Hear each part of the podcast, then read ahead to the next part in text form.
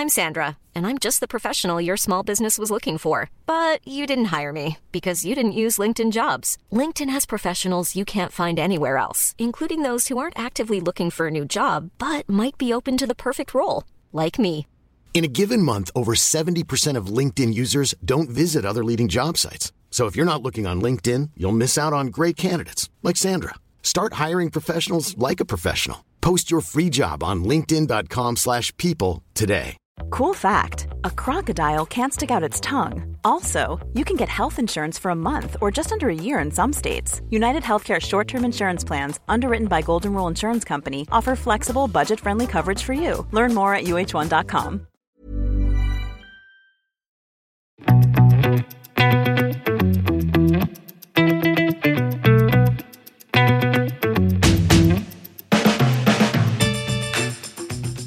Hei, velkommen til en helt ny episode av Klokkelandslaget, din foretrukne podkast om klokker. Eh, I dag så er tema alt mulig rart. Vi har faktisk ganske mye spennende å snakke om, fordi det har skjedd ting siden sist. Det har jo gått et år siden sist, holdt jeg på å si. Eller altså, siden sist vi spilte inn. Eh, var det hvis, For den episoden dere hørte på forrige uke, den spilte vi jo inn før vi tok juleferie. Så det var jo bare lureri, rett og slett. Eh, Så dette er jo vår første innspilling i året eh, 23. Det er det. Er du klar, Jon Henrik? Jeg føler meg veldig klar. Hvis det er noen som ser på, og det har blitt video av dette her, så ser de kanskje det at vi eh, prøver oss på en litt annen løsning i dag. Så, så blir det også litt sånn eh, litt rar video, så får vi bare unnskylde oss med at det er eh, første gang vi, vi kjører det opplegget med at jeg sitter hjemme i min kjære hjemby i Fredrikstad, og så ja, får vi bare gønne på å se hvordan det blir. Jeg tipper det går eh, ganske bra. Vi skal, eh, frykt ikke, vi skal fortsatt være sammen i studio, men eh, hvis vi plutselig kommer på åh, dette, i dette kunne vi bare spille inn i dag, så gjør vi det på video, for da slipper faktisk Gunn Henrik å kjøre inn for en time i Oslo, så må han sitte masse kø utover. Masse kø. Kaste bort masse tid. Ja.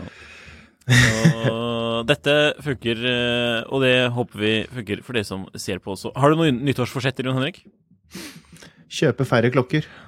Nei da, jeg har ikke egentlig det, altså. Ja. Nei, jeg mener egentlig ikke det, altså. Ehm, nei, jeg har egentlig Jeg har blitt såpass voksen at jeg har ikke noe nyttårsforsetter. Hva med deg? Du bare pålegger de på andre. Nei, jeg har heller ikke det. Uh, så for, for et spennende spørsmål. Det kommer. Eh, Kjempespennende. Ja. Men det som eh, det nye år kan bringe, er jo ikke bare videoinnspillinger av podkast, men også nye klokker. Vi snakket jo litt Yes. om hva man kunne forvente i forrige episode, men nå har vi Mm. allerede fått noe. Og jeg må jo si vi- noe av det første. Jeg vil bare si en annen ting vi har eh, nevnt i forrige episode, var vel at Ja. jeg har fått meg en ny klokke. Og den har faktisk kommet tilbake nå siden, uh, siden sist. Jeg kan bare vise den kjapt på, på kamera her. For det er en Oris.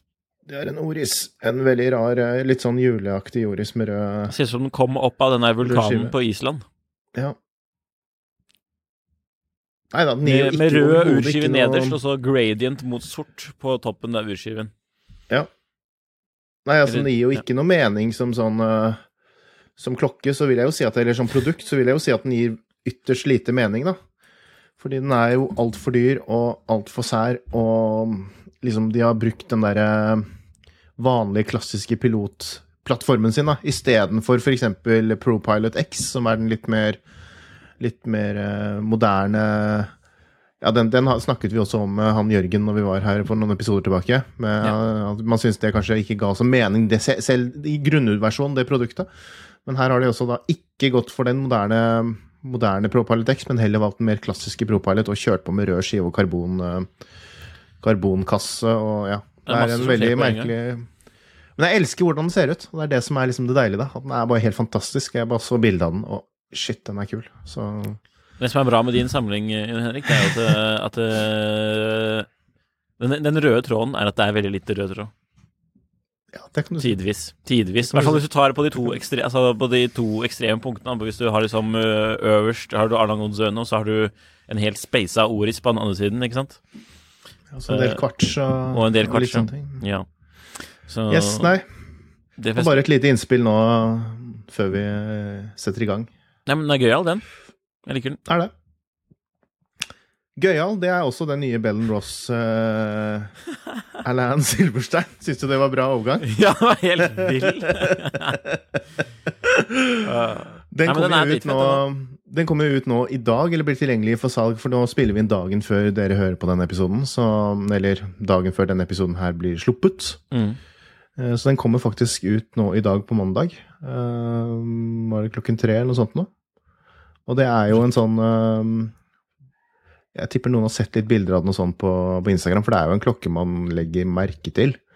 Det er jo en, eh, et samarbeid mellom Bell Ross og uh, uh, Alain Silberstein, som er en uh, fransk ja, ikke sant? Å, for det er litt viktig. Det er jo i regi på en måte da av uh, Grail Watch, som er et ja, jeg, jeg slet egentlig litt når jeg skrev en artikkel om på Tidssonen, litt hva er egentlig Grail Watch, eller hva Skal man kalle det en butikk, eller skal man kalle det et konsept, eller er det Hva tenker du, Nikolai? Det er litt sånn som de andre tingene til vedkommende, at det, det både er, det er noe og noe annet, holdt jeg på å si. Det er to ting. Mm. Jeg jeg vet ikke helt hva de to tingene er. Nei. det er det. Er så mye sånne flytende grenser nå, eller overganger, på, hva, på ting i klokkeverdenen om dagen. Mm. Men det er Wayco? nei, Det er Waco, som er uh, grunnlegger av eh, to magasiner. The Rake og Eller først og fremst av Revolution, vil jeg jo si, som kom for mange år siden. Også The Rake, som eh, jeg tror du nesten vet litt bedre hva er Ja, enn også, det jeg gjør. det er jo herremagasin. Altså, ja. På, ikke, ikke den der med sånn Nei, jeg tenker tenkte sånn, med men masse lett ja. toppløse jenter og det, er- det er det det ikke er. Det er, det er jo altså, det er herremagasin i, i, i følge med stil. Ok. Så, og livsstil. Altså type biler, sigar, dressjakke. Det er det jeg ser for meg når jeg hører Mm. The Rake, i hvert fall. Og så er det jo en gigantisk nettbutikk også, det skal sies. Ok. Ja. Ja. For Revolution var jo et klokkemagasin eh, som egentlig ja, var litt revolusjonerende når det kom, fordi det var veldig høy kvalitet på bilder og Det er kanskje litt sånn The Rake er, at de kjører mye egne fotoshoots og gjør, gjør spesielle ting. Eh, men nå er det jo kanskje mest først og fremst en nettside. Uh, Grailwatch er jo da en eh, slags idé han uh, Waco fikk eh, i, for å tjene penger. Nei da, for å for, Jo, det er jo for å tjene penger, men, eh, men eh, det, de, det de sier selv, da, det er jo litt det at de eh, skal eh, på en måte legge til rette for å lage mm, drømmeklokker, eller eh, holy grails, da, som er kanskje klokker man ikke hadde fått klart å realisere i et veldig høyt eh, som en masseprodusert greie, men at de da lager limited editions og, og tilbyr det gjennom sin egen nettbutikk, da. Og nå er det den Silberstein uh, Bell Ross-collaben som er uh, Bell Ross det er et merke jeg tror de fleste kjenner til. Uh, fransk klokkemerke, det også, som lager litt sånne rare Eller har i hvert fall gjort mye av det før. eh, litt sånne um, eh, instrumentinspirerte klokker. Ja, det er jo fortsatt det som er hoved hovedgeskjeften til, eh, til Bell Ross, men de har jo også laget, lager jo også noen litt mer hva skal jeg si, klassiske vintage-inspirerte klokker også. Uh, Silberstein var jo stor på 90-tallet. Uh, eget merke, det også. Fransk uh, klokkebrand, klokkedesigner. Merket hans er vel lagt ned. Jeg tror ikke de er noe aktive der nå. Sånn alene. Ja, jeg tror, jeg tror han bare nå er liksom en slags designer, og har jobbet med flere klokkemerker og gjort flere sånne samarbeid. Eh, første Grail Watch, som kom i fjor, var jo også en sånn uh, Silberstein uh, Resance-samarbeid. Uh, et annet klokkemerke. Så nå har de da tatt tre av Bell Ross sine instrumentinspirerte klokker. En vanlig trehander, en eh, kronograf og en eh, dykkerklokke. Og så har de gjort en, gitt en full Silberstein-behandling, da. Med fargerike visere og elementer på skiven. Hva syns du om resultatet? Jeg syns et par av de var eh, ikke så fryktelig fine, og så syns jeg diveren er ganske kul, for da får man den der litt sånn eh, Det blir litt lite, da, føler jeg, på de andre to. Ja, det den, den andre er fryktelig kjedelig. Altså, den første, altså den time only, eller eh, tid og dato, den er Mm. jo Den ble bare grell, og diveren er kul, den er morsom, Mm. og kronografen, den er et sted imellom. Så jeg er for så vidt helt enig. Det er ikke Så- alt den derre kassen kler. Det er veldig Det er ekstremt hit or miss med den derre den, der, den uh, halvveis firkanta, eller avrundet firkanta og så rund uh, beselkassen til Bellum Ross, altså. Hva syns du om Silberstein, da? Silberstein kan være veldig morsomt. Jeg mener at jeg har uh, uttalt meg i positive ordlag om eldre modeller tidligere. Uten at uh, det var så inspirerende at jeg husker spesifikt hvilke det var. Men jeg synes det, generelt sett så er det veldig morsomt, og jeg liker jo det Waco gjør for det meste. Han finner på mye morsomme ting. Jeg var bare inne på The Rake nå og tittet om de fortsatt hadde den der nettbutikken som jeg skrøt av at var veldig stor. Men ja. Der hadde de fortsatt alle kategoriene på ting og sånn, men det var nesten ingenting, ingen varer i kategoriene lenger. Men jeg, jeg mener at jeg har kjøpt noe derfra også. Mm. Jeg er jo en sånn typisk type som er på coveret av The Rake, ikke sant. Ikke sant? Ja, kanskje det kommer, hadde vært en engelsk podkast, kanskje du kunne sjarmert deg inn nå med å ja. få noe innhold der. The Watch Neida. Speaker. Nei, det hadde vært deg, det i så fall. Men det er kult, da. Har, det, det, var, det, var ikke, det, var ikke, det var ikke dårlig.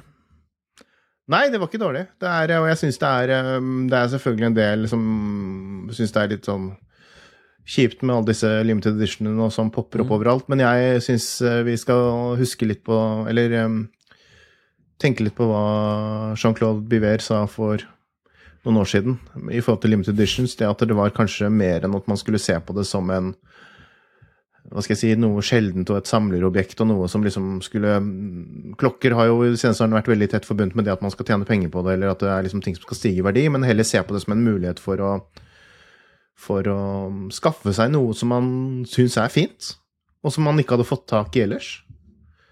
Har man liksom drømt om en, en Bellin Ross som er litt mer ikke så militær og litt mer leken, da, så er det nå, nå man har muligheten, og nå man Det er sant. Jeg syns det er en fin tilnærming. og og det er jo takket være Heller se på det litt sånn. Kjøpe de klokkene altså, man liker. Ja. Min Oris er jo også en limited edition. oh, det, det må jo være verdt så mye. Så det er jo en kjempeinvestering. Jeg eh, skrapa kontoen etter å ha betalt masse strømregninger her, og skrapa den siste øret og gikk med lua i hånden og spurte om jeg kunne få kjøpe en sånn klokke. Så det, sånn. nå skal jeg bli rik. Nei da, jeg tøyser, jeg. Uh, ja, en annen klokke som sikkert kommer til å bli en en god investering som kom nå for uh, kort tid siden, er jo den nye Blampa 50 Farams. Er vi ironiske nå? Nei, altså, altså, jeg, altså, De har jo gått bare én vei, de, uh, de 50 Farams. Oh, ja, ja, de som har vært, ja, de, men de som Altså No Radiation, sånne som har vært vellykkede, ja. Mm, jo, men uh, også disse tidligere, de Ja, når var det? Var det 50-årsjubileumsklokkene som kom for uh, Ja, det må jo være da 20 mm. år siden? Ja har vel ja. også vært uh, blitt ganske um, attraktive, har de ikke det? Jeg tenker det er de mest som, de der med, den, med, den, med, det radioaktive symbolet på urskiven som er mest popis. Og den der ja, ja. Houdinky Limited Edition, for eksempel, som kom for det to eller ett år siden. Ja. Som også var meget pen, det må sies.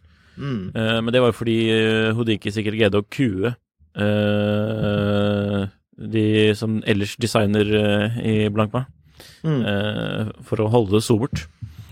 Uh, det Denne nye 70, altså 70s 70 year anniversary 70s. Mm. Act one. Ja, for det kommer mer. Det kommer mer. Mm. Eh, bakgrunnen for dette her er jo det at um, dykkerklokken, eller den mest populære klokken til Blampin, fyller uh, 70 år i år. 50 Ferrum, som ble, som ble lansert eller tilgjengelig eller eh, presentert i Jeg husker ikke helt hvordan det var. I 1970, nei, 1953. Um, så de blant her var jo ganske tidlig ute allerede i fjor og varslet det at nå skal det, vi skal liksom gjøre litt stas på Ja, det var egentlig forventet, da. De skal gjøre litt stas på uh, flaggskipdiveren sin eh, nå i, i år, og sa det at det også kom til å komme forskjellige overraskelser gjennom året og nye lanseringer. Mm. Så um, jeg er egentlig litt overrasket at det kom såpass tidlig, og at de liksom gønner på med denne her såpass tidlig. Men det er jo kanskje en forklaring på det, da. Det at de produserer bare 210 klokker, som jo ikke egentlig er så veldig mange for en sånn modell som sikkert kunne solgt uh, en del tusen. Uh, lett. Men det er fordelt på tre serier med 70 eksemplarer i hver.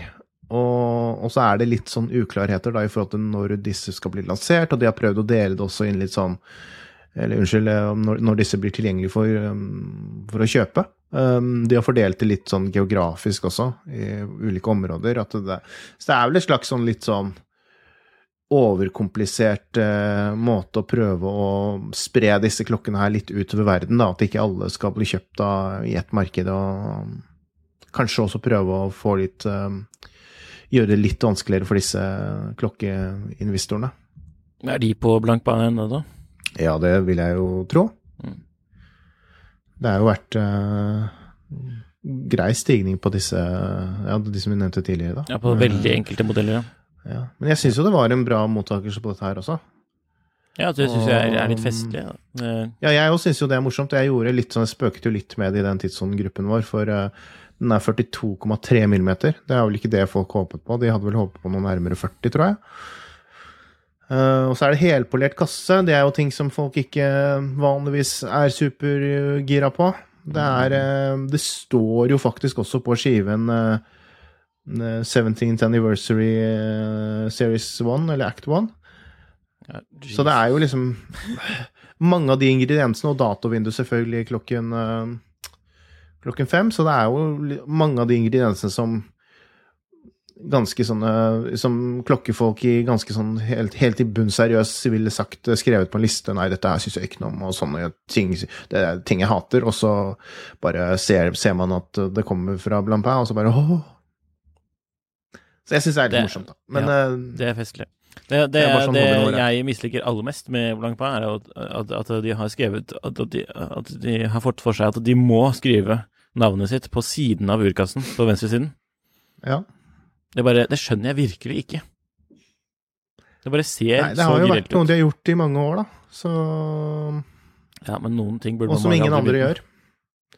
Nei, men det jeg nesten syns er verre, eller det, det jeg misliker mer enn det, det er faktisk det når, øh, når, øh, når merkene setter noe, altså noe logo på lenken eller remmen eller noe sånt øh, nede på Ja, på- på låsen. Nede, nede der. Mm. Det er jo Nei, ikke på låsen. Ikke på låsen. Jeg mener på, hvis du ser her, da, på liksom en uh, sånn, Maurice ja, det her, er sånn som uh, Maurice gjør det, Maurice, øh, gjør det, øh, men det er flere som har gjort det, da. Og flere, Ja. kanskje sånn modellavhengig. Og det syns jeg er helt Det er veldig Ja. narsissistisk, føler jeg. Det er i hvert fall ikke pent. Nei. Men jeg føler det er, det er enda verre å ha det på urkassen, for da blir du aldri kvitt det. Ja. Altså, det er jo da altså, for de som ikke vet, Du kan ta det med til en, urkassen. eh, en spesialist, da, altså få fylt det, og så få polert det. På en sånn med, som driver med microwelding. Mm. Jeg kan gjøre det etter Da er det kul- han kan, det kul, kan. Vi kan spørre om han kan gjøre det eh, etter at han har gjort min vintage Rolex. Ja. Det hadde vært morsomt, da. Bare kjøpt den, og så, og så børst, børstet opp eh, litt i tillegg. Mm. Ja, for den, den trenger, er jo børstede altså, altså horn på toppen. Men det er jo en luksusklokke, da. Det er jo ikke noe Det er ikke noe som er luksus en- med, altså, med helpolert finish, er det egentlig det? Det er jo sånn som amerikanere setter på billige biler, sånn chrome finish, ikke sant? Det, Ja, det er luksus. ja, ok da. This is Luxury. life. Eh, grunnen til at jeg lo litt i stad, når du sa 1953, det er jo det at eh, det har jo vært, altså, det har vært litt sånn hvisking eh, eh, på internett. eh, I hvert fall, Jeg så det var en, en, et av kommentarfeltene, jeg husker om det var på Houdinki eller om det var på Eller hvor det var eh, Så var det noen som mente at, det, det kanskje, at de kanskje burde spart den her til eh, den egentlige 70-årsjubileet. Mhm. Altså om ett år, eller et år. Mm. Det er fordi Men eh, eh, fordi det var jo en sånn bruker på Instagram som hadde postet eh, utskrift av patentet eh, Mm. fra United States Patent Office, hvor Blank Basili har brukt eh, 50 Fathoms-navnet In Commerce. Altså der sto det 'Used in Commerce since August 1954'. Navnet, da. Ja. Eh, og den søkte de om i 1955. I USA, da, i hvert fall. Mm. Og det Men altså, det er kommer jo helt an på Det var jo han eh, Nikolai på Instagram som poster mye sånne patenter og kule ting. Eller interessante ting, da. Ja. Som hadde gravd fram denne i USA. Mm. Så det Da var det noen som eh, mente at det kanskje var litt tidlig å ha sånn eh, anniversary Men det er, det er veldig usikkert det her når det kom og sånn. Jeg har sett flere, så er det i hvert fall én klokke på auksjon som påsto at den var fra 1953. Mm. Så, hvor det sto 50 Fathoms på skiven. Så Ja. det kan hende at de bare var sent ute med å sende det patentet. Men det er en sånn morsom eh, observasjon, der, for det er, jo, det er jo ikke akkurat i når eh, Blancpain kom, som liksom har vært eh, diskusjonen eh, andre steder, eller sånne artikler sånn derre Hvem kom først? Uh, Submariner eller Blankpa? Mm. Uh, det er vel heller ja, det som var diskusjonen for noen, da. Nå vet vi jo Jeg tror, jeg tror vi alle er ganske enige om resultatet. Altså Mm. var Blancpain først. Mm. Som med den første profesjonelle dykkerklokken. Ellers var vel Omega ute med noen, vann, med noen sånne dykkerklokker. Eh, Mm. Som de senket ned i Lake Geneva ganske mange år før. Uh, Nei, det er jo liksom som det meste med digresjon, da. Men bare sånn til eh, sammenligning så sjekket jeg når Omega Speedmaster-navnet ble registrert, og det var i 1957, da. Ikke sant? Og det var jo da de lanserte modellen, sånn Ja. offisielt også. Mm. Ja. Nei, det er jo så mye sånn i klokkeverdenen, da. Mye også definisjonsspørsmål hvem eh, hvem som er først, ikke sant. Mm. Hva telles? Er det, er det når ting blir tilgjengelig i markedet, eller er det når en eller annen dude sitter på et lite kontor i Sveits og begynner arbeidet, eller, eller lager den første prototypen, eller den første, altså Det er mye forskjellige historie... øh, vinklinger på den samme historien. Det, er altså Primeksempel øh, Eller pri, primeksempel Et godt eksempel er Panerai. Jeg tror jeg vet hva du skal si. Ja. Mm, nok om det, kanskje. Men det. øh, generelt sett Apropos øh, Omega. Altså, det, altså, hm? Apropos, Apropos Omega. Men jeg vil bare si én ting til om den blank Blancpain, fordi nummer én uh, fin klokke. Nummer to Hvorfor måtte de sette anniversary på urskiven og skrive det rett Mm. ut? Det er liksom sånn Mm. Det er nok å å ta det på baksida. Ja. Og så ser, Series 1. Hvorfor skjer det nå? Nei, så. Mm. Ja, ja. Det er jo en klassiker. Må vite at, eh, vite at det er noe spesielt, vet du. Når du har kjøpt så dyr klokke. det, det var det. 150 000, eller rundt 150 000 er det vel prisen her, så Vi får se hva året bringer eh, videre. Kanskje vi får noen sånn øh, Kanskje de lager en sånn skikkelig øh, øh, tro Ikke replika, men uh, gjenskaping av den faktisk første. Litt sånn som den Mm. som ligner på den uh, Burlovan uh, som kom i fjor, eller den Mealships uh, mm. lignende saken. Det hadde vært festlig. Jeg syns det virker som om uh, Blampin egentlig er litt sånn at de De vet godt hva folk Eller hva en del samlere egentlig vil ha, og så holder de litt igjen. Det er sånn Eller holder ganske mye igjen, da. Virker det som. Mm. For de kan jo når de vil, men uh, ja. Ja, det så vi jo med No Radiation i mars 2021. Mm. Så ja. Nei, men ok, da er jeg klar til å rulle videre på Omega. Omega? Mm. Ja, nei, for vi har jo et lite notat her, og da For det er jo en ting som har vært litt eh, aktuell med Stoltenberg. Han var jo Hvor var det han var, Nikolai? Han var på NHO Års eh, Nei, NHO-konferansen. Og da blir vi Mhm. gjort oppmerksomme på at han hadde på seg Omega Aquaterra. For Finansavisen var der og Ja. dekket uh, Og da eventet. Ja, og angivelig så var det da at det gikk Det var at det var en liten snakkis, denne klokken. Ja. Hva gikk det på da? Ah, At du syns det var en uh... Det var fordi jeg tror uh, Altså, det var ikke så mange som visste at han uh, hadde det. Angivelig. Nei? Nei. Uh, for vår uh, podkast-sjef poengterte at mm. Mhm. han ikke trodde det var så mange at, eh, som visste at han hadde denne klokken, og han meldte også at det var, eh, var sånn en del prat om dette blant eh, folk med klokkeinteresse på, på eventet. Og det er jo festlig at folk snakker om klokker på eventet når eh, de har pause. Mm. Nei, kanskje vi skulle vært der neste, neste år. Det var kanskje der vi skulle vært. live, eh, Mm. Livepod på. NHO-konferansen. Mm. Wrist check. Men inn, eh, så- ja, for de som lurer på helt spesifikt hvilken uh, modell det er, så er det Åh, vi må finne fram uh, referanser. Men det er jo den der, en, en klassisk uh, Aquaterra med sølv urskive og bare helt plain. Når du sa Aquaterra, så tenkte jo jeg at det var en Seamaster Aquaterra Railmaster, vet men det, men det var det jo ikke. Du er trent opp til å tenke det. Altså den gigantiske klokken som Jon Henrik har. Men det er jo litt sånn eh, Hva skal man kalle en sånn Aquaterra hvis man ikke har sett den? En litt sånn eh, Jeg vil si det er en slags eh, En slags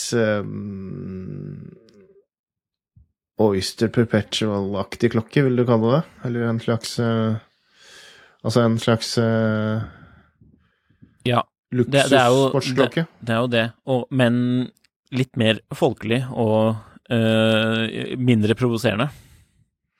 Ja. Selv om den ikke nødvendigvis uh, koster uh, noe særlig Jo, akkurat den mindre. koster vel en del mindre, gjør den ikke det? da? Ja, men, For det er en altså, eldre um, ja, men uh, tilsvar, altså nyeste modell i dag koster jo nærmest like mye som en uh, OP, da. Uh, Mm. Pre-prisoppgang som skjedde nå i januar igjen. Ja, det kan nok stemme. Har vi nevnt Neida, det det for øvrig? Det, for det tror jeg det, kom, det fikk vi jo ikke med Nei, nei, nei, det stemmer det. Det har mm. vært en prisoppgang nå hos eh, Rolex og hos eh, Tudor. eh, og egentlig flere merker, eh, har de ikke det? Ja, i hvert fall. Rolex. Ja, det folk Ja. bryr seg om. Det er det folk bryr seg om. Og var det rundt en 10 eh, Det var ganske mye. Var det en 10-12% eller noe sånt? da? Var det, var det 10 Sånn jevnt over. Det, det varierte jo litt, selvfølgelig, da. Det Ja. var noe var, vel, var det mest på bicolor eh, det var nå i eh, denne omgangen her, var det ikke det? Eller? Ja, det var, det. eh, Det var ikke så mye på stål som- mye på stål, nei. Nei. Så nei, men why not? Det, Ja, altså, ja. Det får så være. eh, Ikke sant? Mm. Så Men det morsomme da med men denne eh, Stoltenberg-klokka igjen, hvis vi skal eh, fiske oss inn tilbake på det der mm. Fiske oss inn, faktisk. Så fant jeg faktisk en gammel tråd på tidssonen hvor eh, den observeres allerede i 2011. Hvor det, om det da spekuleres om det er en Omega Acotera. Ja. Eh, Så det kan ikke være veldig nytt at han eh, har den klokken. Og så har den vært eh, spottet av Norwegian Watch Spotter. Eh, og da la han ut noe 2. august eh, 2022. Mm. Eh, så tydeligvis ikke nytt. Men er det den perfekte klokken for Jens Stoltenberg? Er spørsmålet, Jon Henrik. Du som er klokkeekspert. Nei, altså om det er den perfekte klokken For han, jeg vil merke. Eh, Sånne, for sånne korrupte politikere så burde det jo være en ganske dyr eh, klokke, men eh, nei da. Uh, Du, Nei, du kommer det er, ikke eh, påstander om eh, korrupt her, det var tøys. nei, nei, nei. nei, nei. Jeg sa, jeg sa på generelt, da. Okay. politikertyper. For politikertyper. Nei da. Eh, jeg syns det er en veldig sånn eh, Det er ikke en overraskende klokke å se på han, det vil jeg ikke si det er. Det er liksom sånn, det passer veldig greit med hele eh, hans person, syns du ikke det? Litt sånn Eller har du noen andre meninger? altså, det, er, det er en klokke som, eh, som jeg ikke ville eh, lagt merke til hvis han hadde det på, på en måte. Nei. Men det er, det er som Og det er kanskje litt av som Man har sikkert et uh, arbeidsslips uh, også.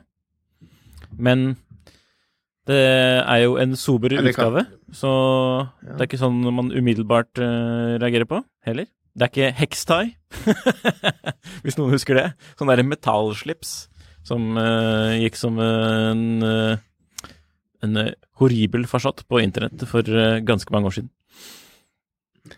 Nei, jeg syns det er veldig sånn Det er en sånn det er en, For det første så er det en litt sånn gjesp-klokke. Og det er en sånn veldig sånn Det er en fin klokke for folk som Altså For all del, hvis man er klokkeinteressert og syns dette her er en superfin klokke, så why not? Men, men det er en sånn type sånn klokke som man kjøper eller får i gave En, en fin penklokke, er eller en fin mm. klokke. Men jeg kan også se for meg at han altså, sånn- liksom, at, at, at, eh, Hvordan han han kjøpte den her på, er at han gikk inn og Nei, men at det, Ikke om han eh, fikk den eller kjøpte den, men at det, jeg kan se for meg at det er en klokke man eh, går inn i en klokkebutikk, og så eh, kjøper seg den fordi man syns den er fin. Punktum. Mm. Og tenker den kan passe til en god del activities. Mm. Aktiviteter. Så Ja.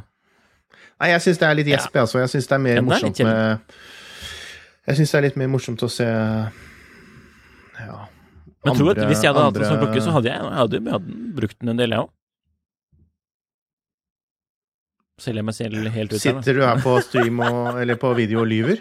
Eller er det Ja, ja, men jeg er jo Altså, veldig jeg er fan, av den, jeg er fan av den urkassen eh, Jeg ville kanskje valgt en annen eh, skive, da. Og tatt på en litt Mm. Ja, men jeg eh, tror en, den- en jeg den- Nato-rem. Det hadde gjort seg. Jeg tror ikke den som de har funnet frem på Watchspotter, stemmer. At det er med en sånn Nei, nei, det er, det er, ikke- det er ikke med eh, perlemorskive. Nei, det er ikke perlemor heller, det der. da. Det er en sånn derre Mm. stripete teakdekk.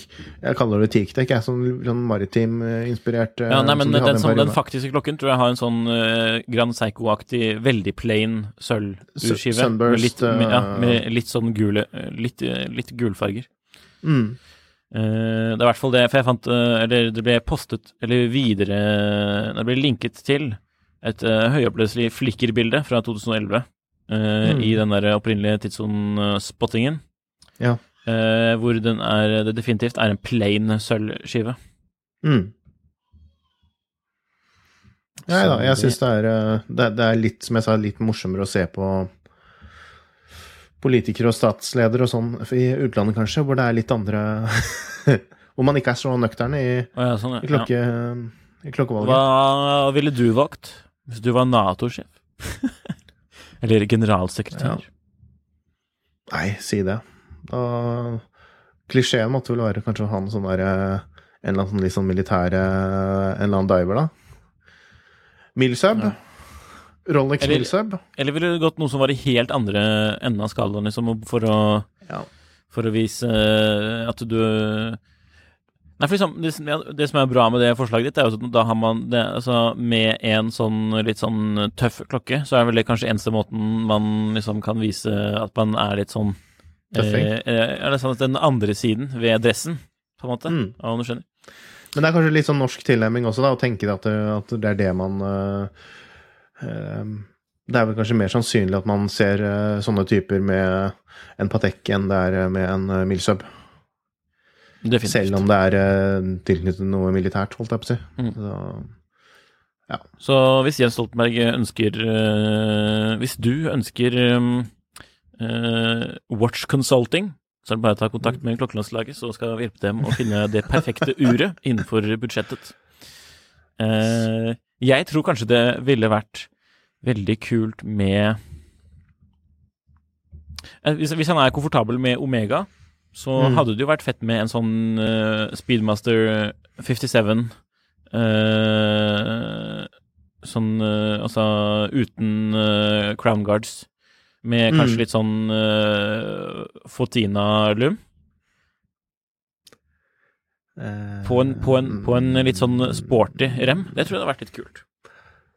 Eller en sånn uh, James Bond uh, Seamaster i titan. Commander.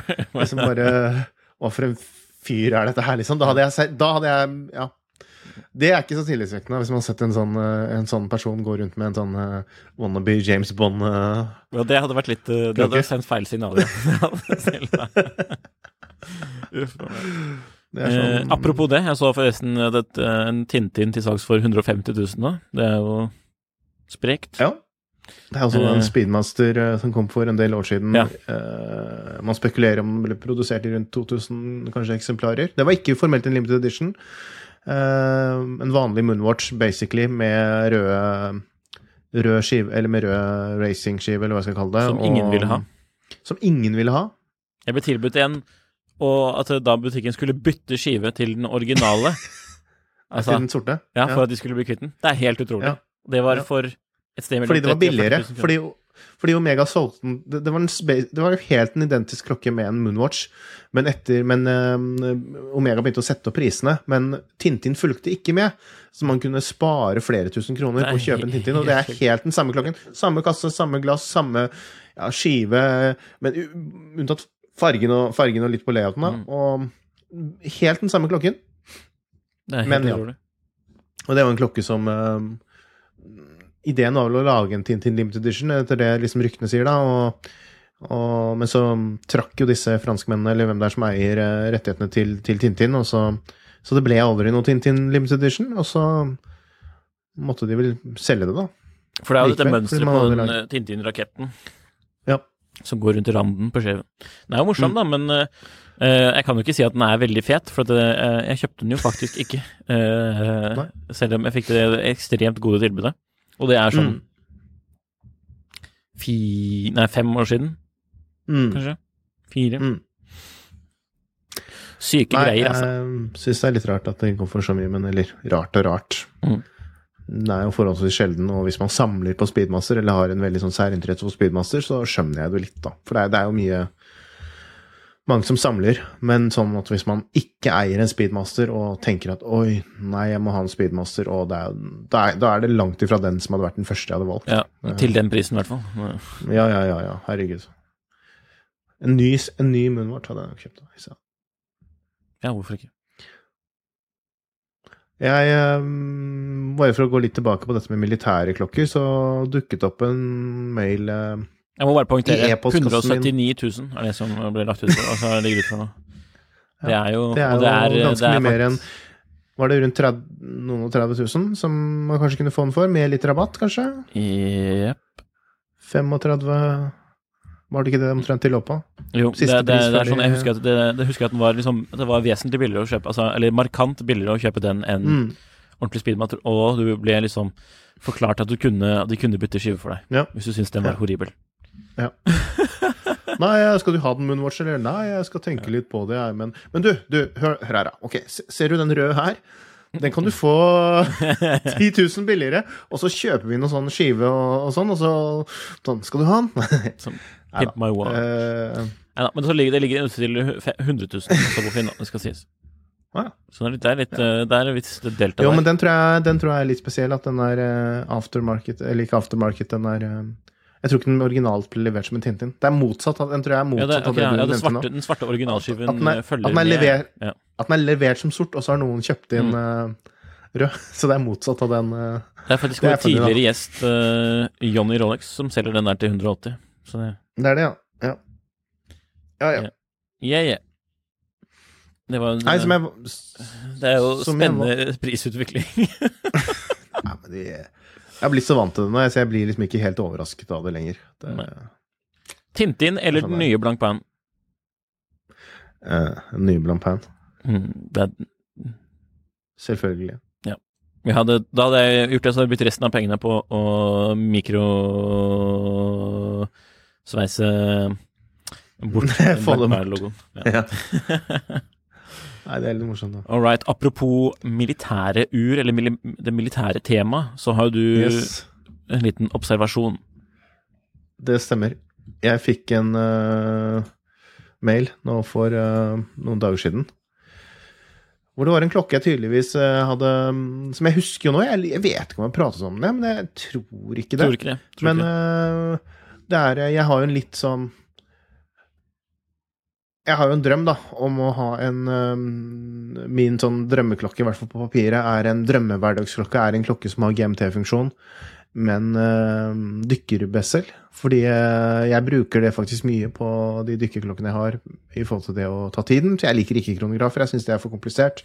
Jeg liker å bare kunne vri på, på beselen og time diverse ting, eller ja, Um, og en GMT-funksjon er jo veldig praktisk. Nå har det vært to år med pandemi hvor ikke det har vært så aktuelt å reise til fjerne strøk, men når man gjør det, eller når man driver med business i andre steder, og sånn, så er det veldig fint å ha en GMT-funksjon. Det er liksom den sånn mest praktiske komplikasjonen, syns jeg. da sånn.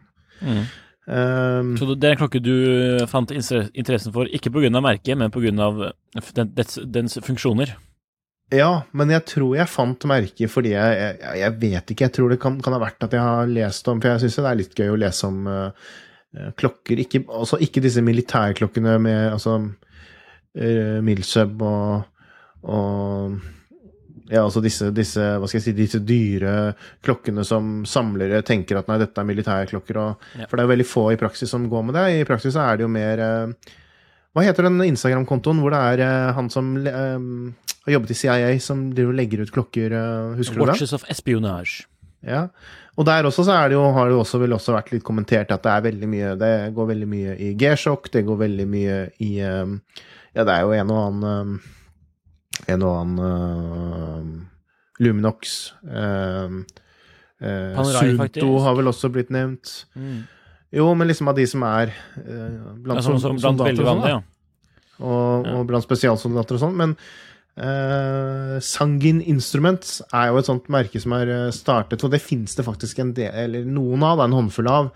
eh, gjerne sånne amerikanske klokkemerker som er startet av tidligere soldater, og som har fått litt sånn fotfeste innad da, i, eh, i militæret pga. den at man har et nettverk. Eh, så dette er jo liksom militære inspirerte klokker, og som også de skryter av liksom har blitt brukt av diverse i diverse land og, eh, og sånn. Eh, de har en modell som heter Professional, som jeg tydeligvis da har skrevet inn sånn email me when available, for, det, for den var ikke available når jeg så den første gang. Det tror jeg er over et år siden. Og det er jo da en 43,5 mm diver-kasse i sånn Ja, det er sam... Er den børstet, eller er den sandblås? Eh, den ser litt sånn Det er, sandblåst ut. det sånn, er eh, litt usikkert på den finishen, ja. Den, er- den er sandblåst. Den er sandblåst. det, ja, for den ser jo litt sånn sinn, eh, sinnaktig yep. ut, og det er jo kult. Jeg syns jo det er kjempekult. En sånn matt finish. Uh, og så kan man få den med Nei, vent, den er, GMT brushed på toppen. Ja, er den det? Ja, for, altså, det er jo polerte på, Den er jo polerte, den uh, Ja, den der-. Så jeg tror det bare, Ja, det er faktisk fotografiet som lurer oss her. eh, Er det det, altså? Uh, brushed finished case with polished chamfering. Å ja, den er faktisk Jeg ser den. Mm. Okay. Ja, det er litt synd, da. Så ja Nei, den er, jeg syns den har vært kulere med samlås, men, nei, men den er fortsatt kul, da. Um, er Dykkerbessel. eller GMD. GMD. GMT. Ehm, så man kan velge. Da ville jeg selvfølgelig valgt uh, vanlig uh, dykkerbessel med minuttskala. Mm. Og så sort skive. Eller sjøblå. Jeg syns den er kulest med sort. Og så kan man, ja, man kan faktisk få kassen i DLC også. Sort DLC. Kanskje Ja. det hadde vært veien å gå. Det kan bli litt Altså, jeg pleier jo vanligvis å styre litt unna det, for jeg liker ikke det at um, den type finish Selv om en del av det kan være Noen har jo en, fin- en sånn sort finish som er veldig, veldig sterk, men um, de fleste av de blir jo ødelagt hvis man dytter borti noe. Det ser penere ut med en liten ripe i en, i en uh, kasse i et naturlig materiale enn en Ja. som er behandlet med en overflatebehandling, hvor det blir uh, sånn der hvitt eller altså en sølv, sølvfargede sår i, i kassen. Men på en sånn klokke så kunne det kanskje fungert da, med en DLC, for da gjør det ikke noe om den egentlig blir litt slitt, at det ser kanskje egentlig litt kult ut. Eh, oransje eh, minuttviser og oransje GMT-viser, men det er jo da en kvartsklokke, sveitsisk ronda. Og det morsomme er at eh, når du fikk eh, e-post om den, så var den tilgjengelig, men det er den ikke nå lenger. Nei, jeg hadde den i handlekurven, og så fikk jeg kalde føtter, og så gikk jeg tilbake litt senere, og da var den solgt. Husker du hva prisen var? Ja, jeg mener det var rundt eh, 650 dollar eller noe sånt. ja. Hva syns du? Designet er jo litt sånn eh, det, det, det, det sier meg jo ikke veldig mye om merkevaren, på en måte. Men det kan jo være en sjarm i seg selv, det. At det er veldig At de kun liksom har valgt eh, det de mener er eh, hensiktsmessig, og ikke noe mer enn det. Nei. Ehm, ja. Jeg likte bedre den eh, Altså, denne modellen vi snakker om, den heter jo, som sikkert nevnt, Professional. The Mm. Professional. Og så er det en modell som heter Kinetic 2, som også er litt morsom, med, med kronen på venstre side. Mm. Eh, også med GMT. Det syns jeg var litt uh, fett, faktisk. Men Ja. uh, dette er ikke noe jeg hadde brukt egne penger på. Nei. Så hører du det, Sangin. Hvis du sender en klokke til Nikolai, så tar han imot den som gave. Nei da. Da hadde jeg heller kjøpt en Ja, Serica. GMT. Selv om den Ja, ikke har det den ligger på igjen, da? Er, den, er de omtrent samme pris? Eller litt Den koster 15 000. Ja, det er... Nei, da hadde jeg heller kjøpt Sangin Instruments eh, Professional. Ok, Stangen. Nei, men jeg syns det er litt kult, og det er litt kult med, med en del av disse mikromerkene som Mikromerker har jo blitt så mainstream, så dette her er jo fortsatt et litt sånn mikromerke som er litt utenfor den mainstreamen av mikromerker, da, Mm. for å si det på den måten. Og det syns jeg er litt sånn litt artig. Hey, it's Danny Pellegrino from Everything Iconic. Ready to upgrade your style game without blowing your budget? Check out Quince. They've got all the good stuff shirts and polos, activewear, and fine leather goods, all at 50 to 80% less than other high end brands. And the best part? They're all about safe, ethical, and responsible manufacturing. Get that luxury vibe without the luxury price tag. Hit up quince.com slash upgrade for free shipping and 365 day returns on your next order. That's quince.com slash upgrade. Hiring for your small business? If you're not looking for professionals on LinkedIn, you're looking in the wrong place. That's like looking for your car keys in a fish tank. LinkedIn helps you hire professionals you can't find anywhere else, even those who aren't actively searching for a new job but might be open to the perfect role. In a given month, over 70% of LinkedIn users don't even visit other leading job sites. So start looking in the right place. With LinkedIn, you can hire professionals like a professional. Post your free job on linkedin.com slash people today.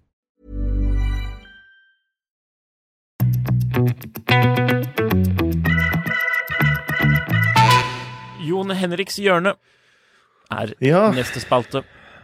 Eller ikke neste spalte, det er jo den første faste spalten vår, egentlig. Skal jeg lese opp eh, spørsmålet? Ja, vi har jo fått litt uh... Det står jo 'dere', faktisk, men uh, vi, vi tar det, Jo, jo. det er du som svarer. Vi tar det sånn.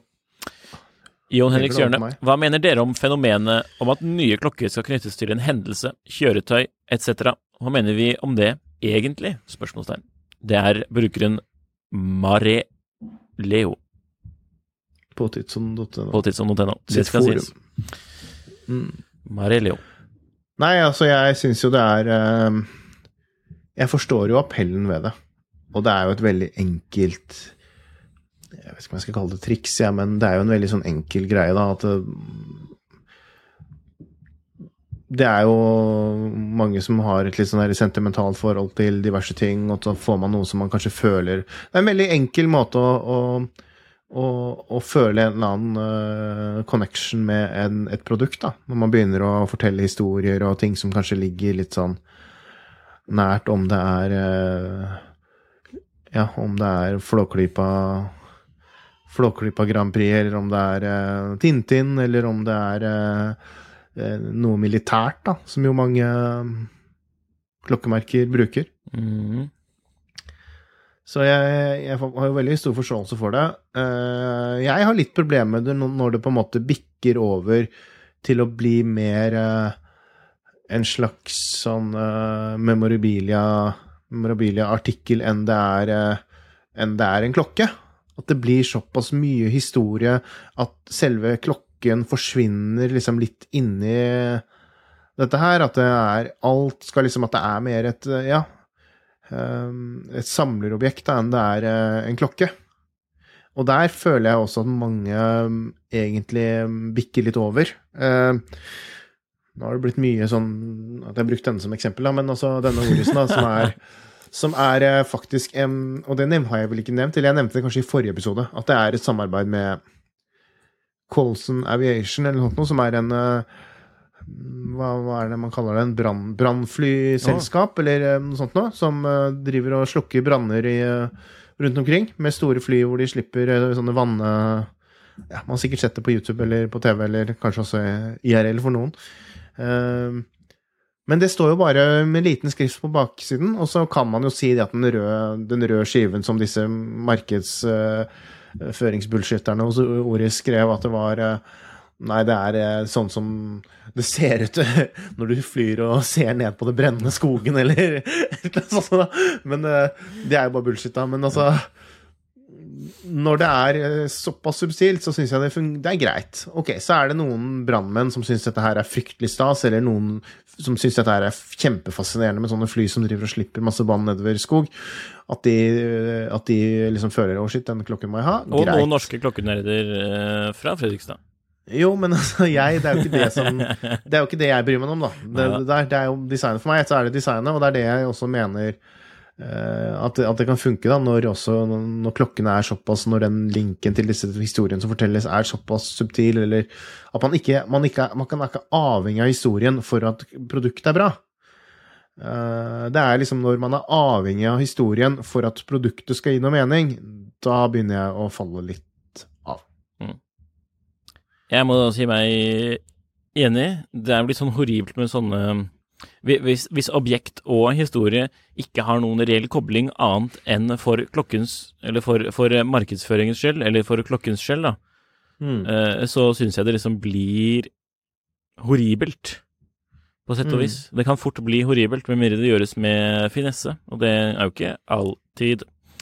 Eh, så for, det, for mange på, det, det, er liksom, det er jo litt indikativt at hvis du må finne opp så mye pizzazz rundt klokken, er det sånn at den da ikke står på sine egne ben eller har meritter ved, ved produktet i seg selv, annet enn denne historien som er pakket på utsiden, som bare er intangible, eh, for å si det på veldig norsk. Eh, da føler jeg at det er en sånn historie som man har laget for at mm, det skal være enklere for eh, folk som jobber i butikken å selge klokken, for å si sånn Denne klokken ble laget for å hedre kontorstolen til John D. Roosevelt. Og det er en skinnbit fra stolen hans i rotoren på uret. Tenk på det. Det er kanskje det neste store uret. Nei, det er mye rart. Men, men, men, men egentlig, da Egentlig er det så veldig mye forskjell på det eh, Skal vi si Når du nevnte det der, da, så tenker jeg på det, det merket som nå heter RJ Watches, som eh, blant annet hadde um, Titanic eh, DNA-klokkene, hvor man har eh, biter fra eh, Titanic visstnok, da, i klokken. Ja. Eh, det er sikkert en kjempe, kjempeliten uh, del av noe metall eller noe da, som sikkert er smeltet ned eller eh, ja, plassert et eller annet sted. Uh, men eh, det, Og så forteller man liksom historien rundt det, og at det liksom har noe med det Titanic å gjøre og sånn. da. Men er det egentlig så veldig mye verre sånn markedsføringsmessig enn en, eh, Speedmaster Moonwatch? Hvor man bare melker dette her med månelandingen så i Jeg har melket det nå i Ja, det kommer litt an på hvor, hvor langt ut i prosessen man er. På Omega Speedmaster kan du sikkert eh, melde Du kan sikkert eh, Altså, du kan sikkert bruke det argumentet. Men jeg tenker for, for på, på, på den klokken, så Eller altså, på den Titanic-klokken vil jo det være Jeg vil jo synes at eh, å kjøre den Kjøre den storyen vil være rart fra the get-go, mens på en Mm. eh, Speedmaster så vil det kanskje være rart eh, nå. eh, hva blir det? 70 år etter lansering, på en måte. Eller 50 Mm. år etter lansering. Ja. Mm. Om man skjønner. Ja. Det er som et Ja. ja. De Omega Speedmaster meldte jo ikke Speedmaster fra første øyeblikk. Nei, jeg satte litt på spissen her, da. Ja, jeg vet Men, det, men eh, eh, da kommer jeg her Jeg, for jeg mener det er jo Jeg tror det er mange nye klokkefans som bare Vanlig den standardmoden å gå i er liksom det at man syns det er kult fordi det har noe med månelandingen å gjøre. Mm. Og så blir det liksom automatisk noe mer, mer av um, Men klokken var jo faktisk da. med på månelandingen. Den uh, Titanic-klokka var jo ikke med på Titanic, og jeg vet ikke om Deler det hadde vært noe deler av den var jo hedre, altså, å hylle uansett, på en måte. Ja, det, Deler av den var jo med på Titanic, da. Det er jo det som Ja. er poenget, Nikolai. ja, I retrospekt så er det en slags tidsmaskin. Du får ikke noe du, du får ikke noe månestøv på, i Omegaen din. Mm, nei, Så takk Gud for det. Nei, jeg, jeg bare tenker liksom, sånn at det kanskje begge deler er litt en uting. Sånn uh, Eller i hvert fall personlig, da, så syns ikke jeg så veldig mye om, Nei. om den der markedsføringsaspektet. Alt med måte. Uh, men Omegaen er jo grunnleggende en fin klokke, da. En, en pen klokke, en kvalitetsklokke, og, der er, og det er jo for så vidt også den romaine Romain uh, Jerome Klokken er jo sikkert ikke så dårlig, den heller, men det er jo litt mer eh, eh, et smak som eh, Et design som kanskje ikke er like Lett å fordøye. som like pent Nei, ikke sant? Mm. Eh, nei da. Det er Men ja, ja. Vi er jo egentlig ganske enige, da, i, med, i forhold til det med disse historiene. og det er viktig at ikke klokken i, som produkt drukner i hele Drukner. Drukner? Og hvis du som hører på har et spørsmål å sende inn i Jon Henriks hjørne, vennligst send den til Jon Henrik, eller jhh.tidssonen.no, eller nikolai.gil.finansavisen.no, eller på våre respektive Instagram-kontor, eller i tråden på tidssonen.no. Eller i vår Facebook-gruppe, Ja, som bare også. heter Tidssonen. Der er det veldig fint og enkelt å i kommentarfeltet på YouTube. For vi har også YouTube-kanal. Vi, må vi må huske å be folk om å prenumerere, eller abonnere. Eh, litt rart hvorfor jeg sa det på svensk der. Det er uvisst. Ja.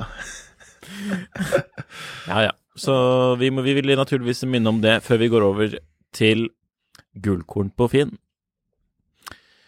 Dagens gullkorn, det er jo ikke et objekt, men en liste som eh, Finn selv postet ved årsskiftet, som en slags oppsummering, hvor man da kan se hva var det egentlig folk søkte på på finn.no i Mm. 2022. Og vi klikker oss inn på Oslo fordi det er verdens navle. Og da får vi følgende toppliste. Nå går vi fra én til ti, altså fra mest søkte til mm, ikke minst søkte, men ja, nummer ti mest søkte. Jo, Henrik, Mm. du har jo sett listen, så det blir jo dumt å spørre deg hva tror du, men altså og, Men jeg, må, jeg, jeg synes jo at miksen er veldig morsom. ja. Nummer én sofa. Eh, eh, Nummer to Rolex. Nummer tre gis bort. Nummer fire spisebord. Nummer fem sykkel. Seks kommode. Syv isport Oslo. Åtte sovesofa. Ni hagemøbler. Ti skrivebord. Så det er eh, antageligvis veldig mange i 2022 som har fått seg en ny sofa og Rolex. En av de, og en av tingene ble gitt bort. Så jeg tror heller det var sofaen med flekk på ikke- enn ja, Rolexen Rolex. med flekk på som ble gitt bort. Ja. Men det finnes jo også liksom sofaflippere, gjør det ikke det? Som driver og kjøper gamle sofaer og, Og renser og sånn. og Ja. renser de og selger. Han renser, rense, sofarenser, apropos det, altså, jeg har veldig lyst til å kjøpe meg sofarenser, bare sånn for å ha det, og fordi det også funker å ta interiør i bilen. Det er ganske billig å leie det. Eh, Ja, På Finn også, faktisk. Jeg har sett det der sånn 100 kroner dagen for en sånn Kershi. Jeg ville aldri leie det på Finn, men uh, fordi jeg vil ikke leie line lommene til disse sofadamprense-investorene. Men, eh, men det finnes jo sånne firmaer som eh, leier ut eh, oppstarts, oppstartsselskaper som har begynt å spesialisere seg på å ha sånn verktøyutleie. Sånn, Mm. I hvert fall her i Fredrikstad så har vi en sånn en sånn shipping container som er innredd med ja, ulike verktøy og Mm. sånt som man kan gå og låne. Det er ikke mye, mange kroner det, er, man, det koster å leie en sånn damp. eh, Det, for det er jo ikke sånn man bruker så fryktelig ofte. Nei. Men hva syns vi om nummer to Rolex, egentlig? At det er det folk i Oslo virkelig søker på? Nei, jeg syns det er litt overraskende, jeg må si det. Ja. Eh, Jeg hadde vel egentlig også syntes det var litt funny bare om du hadde vært inne på topp ti i det hele tatt, liksom, men eh, ja, det sier jo litt Det om hvor litt. folkelig, Ja, folkelig Rolex eh, Hører du det, Jean eh, Fredrik, du får? Nå må du sette opp prisene. Nå har det blitt altfor folkelig med Rolex. Altfor folkelig. Og du er jo en litt sånn eh, Kommer fra en litt sånn nobel familie, du i Sveits. Du, du vil ikke ha alle disse Nei. Nei. Eh, uh, han vil ikke ha meg på listen over sine kunder. nei. Så Nei, nei, nei. Ja, men det var jo festlig da, at det kom på topplisten i det hele tatt. Det, men jeg, jeg tror det har vært det en god del år eh, tidligere også. Jeg har det det? Ja, I hvert fall i fjor, vil jeg tro. Det, det, kanskje det er sånn der hype-bølgen, den følger den, så kanskje vi ser Rolex på Mm. plass nummer ti i 2023. Ja. Ja, Og da er det gis bort uh, sovesofa, som er nummer én, kanskje. mm. Nei, sovesofa. Sovesofa. Det tror jeg faktisk jeg aldri har eh, søkt på. Men jeg har søkt, på, jeg har søkt på sykkel og skrivebord, det har jeg. Men ikke så generelt. Nei. Jeg har søkt på Og jeg har søkt på Rolex når jeg skulle legge, finne gullkorn til Finn. Jeg har gjort det også. Det er sikkert våre, det våre prompts som har, eh, som har resultert i dette her. Apropos Rolex, har du noe du ville snakke om der? Ja, jeg syns det er litt morsomt, fordi det, mm, folk følger jo med på Jeg føler jo de fleste har eh, godtatt at det er et eh, krakk, et Rolex-krakk. Eller hva man skal kalle det. Men eh, jeg tror det er, litt morsomt, for jeg har fulgt litt sånn diskusjon som har vært på Tidsånds forum, eh, forum hvor det har vært eh, mye spekulasjon nå, eller mye, mye prat nå rundt dette her med hvor uh, hvor uh, enkelt eller hvor lang er ventetiden på en Rolex nå, hvor, uh, ikke sant, den biten der. og få kjøpt i butikk. Og der tenker jeg jo litt sånn at det er Og så virker det som om noen nesten bruker det litt som sånn bevis på at nei, det er ikke så veldig Det er ikke noe særlig nedgang i etterspørselen og bla, bla, bla. Men altså Det vi har pratet om primært, da, og det jeg har gått og uttalt meg om til diverse medier nå i eh, ja, sikkert nå i hvert fall et, uh, nesten to år, det er jo litt det der at man syns prisene i annonsmarkedet er inflaterte. Det handler jo ikke noe om det at nå skal det bli eh, Rolex til alle. Nå skal man kunne gå inn uh, hos Bjerke og få både én og to og tre Rolex i stålet uh, på rappen. For det har det jo aldri vært prat om. Det er jo ikke det vi, det jo ikke det vi snakker om når vi snakker om at markedet er ned og, og den biten der. Det vi prater om, det er jo mer enn den der, at man får en korreksjon, og at man får ned prisene som har vært i annonsmarkedet, som jo tidvis har vært veldig, veldig, veldig mye høyere enn utsalgspris. Uh, det at det skal bli enkelt eller enklere å få tilgang på Rolex over disk, er jo liksom en sånn Det er jo helt den siste effekten man vil se. Uh, før alt dette andre skjer. Uh, for så lenge det er penger å tjene, så vil det jo være folk som vil ha det som en hobby å prøve å komme seg på ventelister og ta ut klokker og flippe de rundt for kjapp profitt. Så spørsmålet er jo heller kanskje da hvor, hvor langt ned man skal før de Og ikke bare i klokkemarkedet, men også ellers, før de menneskene som bedriver den slags type ting, må bruke pengene sine på andre ting, eller at det premiumet man får er såpass lite at man ikke orker å Eller ta på seg den jobben da, og holde på med dette her. Så ja, det går an det at det er en veldig stor nedgang i, i Veldig stor prosentvis nedgang i annonsmarkedet, og det at ikke det er, blir noe umiddelbar stor endring ute hos AD. Selv om jo faktisk Jeg mener jo det altså litt, litt sånn anekdotisk da, at man har, uten å ha undersøkt det sånn veldig nøye, virker som at flere har fått klart å komme seg på lister eller klart å få kjøpe diverse klokker. Og at ventetiden faktisk sånn, av det jeg har inntrykk av, er i mange tilfeller blitt redusert. Men så er spørsmålet om det skyldes leveringene fra Rolex, er det andre ting, er det Og det kan være andre steder i, i verden. Det er jo så mange, mange ulike sammenhenger her som påvirker, påvirker dette. Litt markedsinnsikt der. Litt markedsinnsikt. eh, vi skal vi avslutte med en sånn en, en nyhetsartikkel. Ja. Som er litt relatert til klokkedealing, kanskje? Ja, til, kanskje et forsøk Klokke... på. Eh, ja, ikke sant? Kjøpte klokke for en halv million kroner. Kvinne pågrepet. På nyttårsaften ble en kvinne i 40-årene varetektsfengslet i to uker, siktet for grovt bedrageri. Samme dag som hun fikk 1,4 millioner kroner på konto, kjøpte hun en klokke til ca. 500 000 kroner. Det kommer frem av en fes... av en Det kommer frem av én fengslingskjennelse fra Vestfold tingrett, skriver TV 2 Nyheter 3.1.2023 klokken 10.00. Uh, et raskt Google-søk hjelper deg å finne uh, artikkelen for de som, du som har lyst til å lese hele.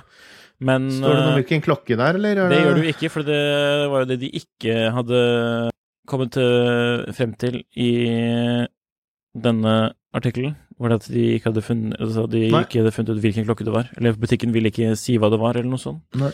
Uh, for det var hos Christensen i Oslo, ja. dette her. Og de Hvilken klokke tror du det kan være da? Eh, de selger jo ikke så De har jo brukt klokker.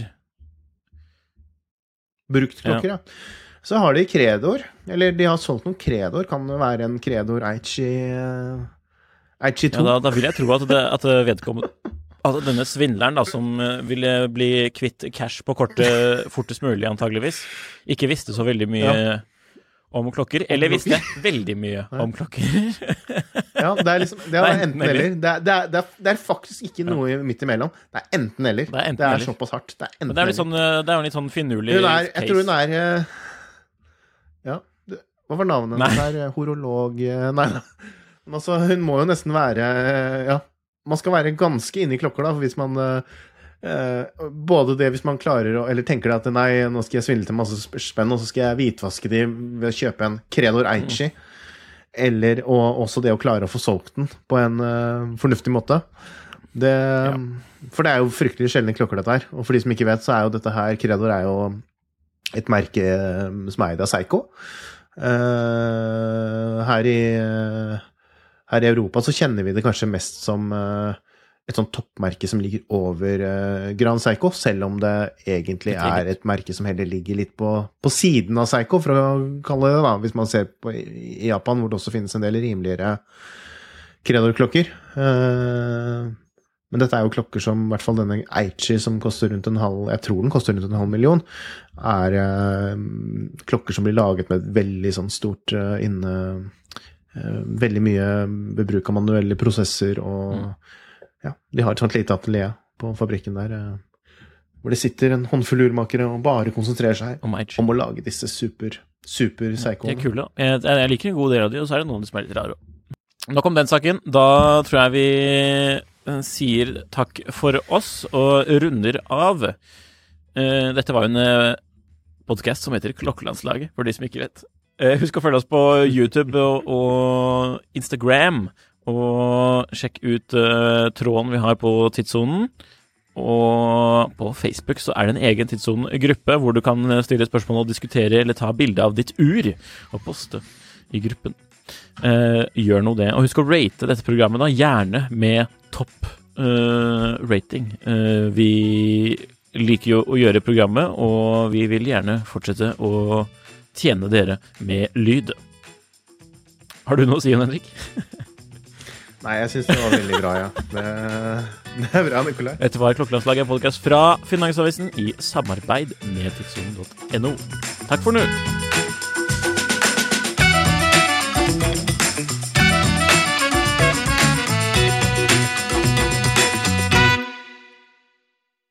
Klokkelandslaget er en Finansavisen-podkast i samarbeid med Tidso. Programleder er Nicolai Giel og Jon Henrik Haraldsen. Produsent er Lars Brenden Skram. Podkast- og videoansvarlig er Marius Mørk Larsen, og ansvarlig redaktør er Trygve Hegnar.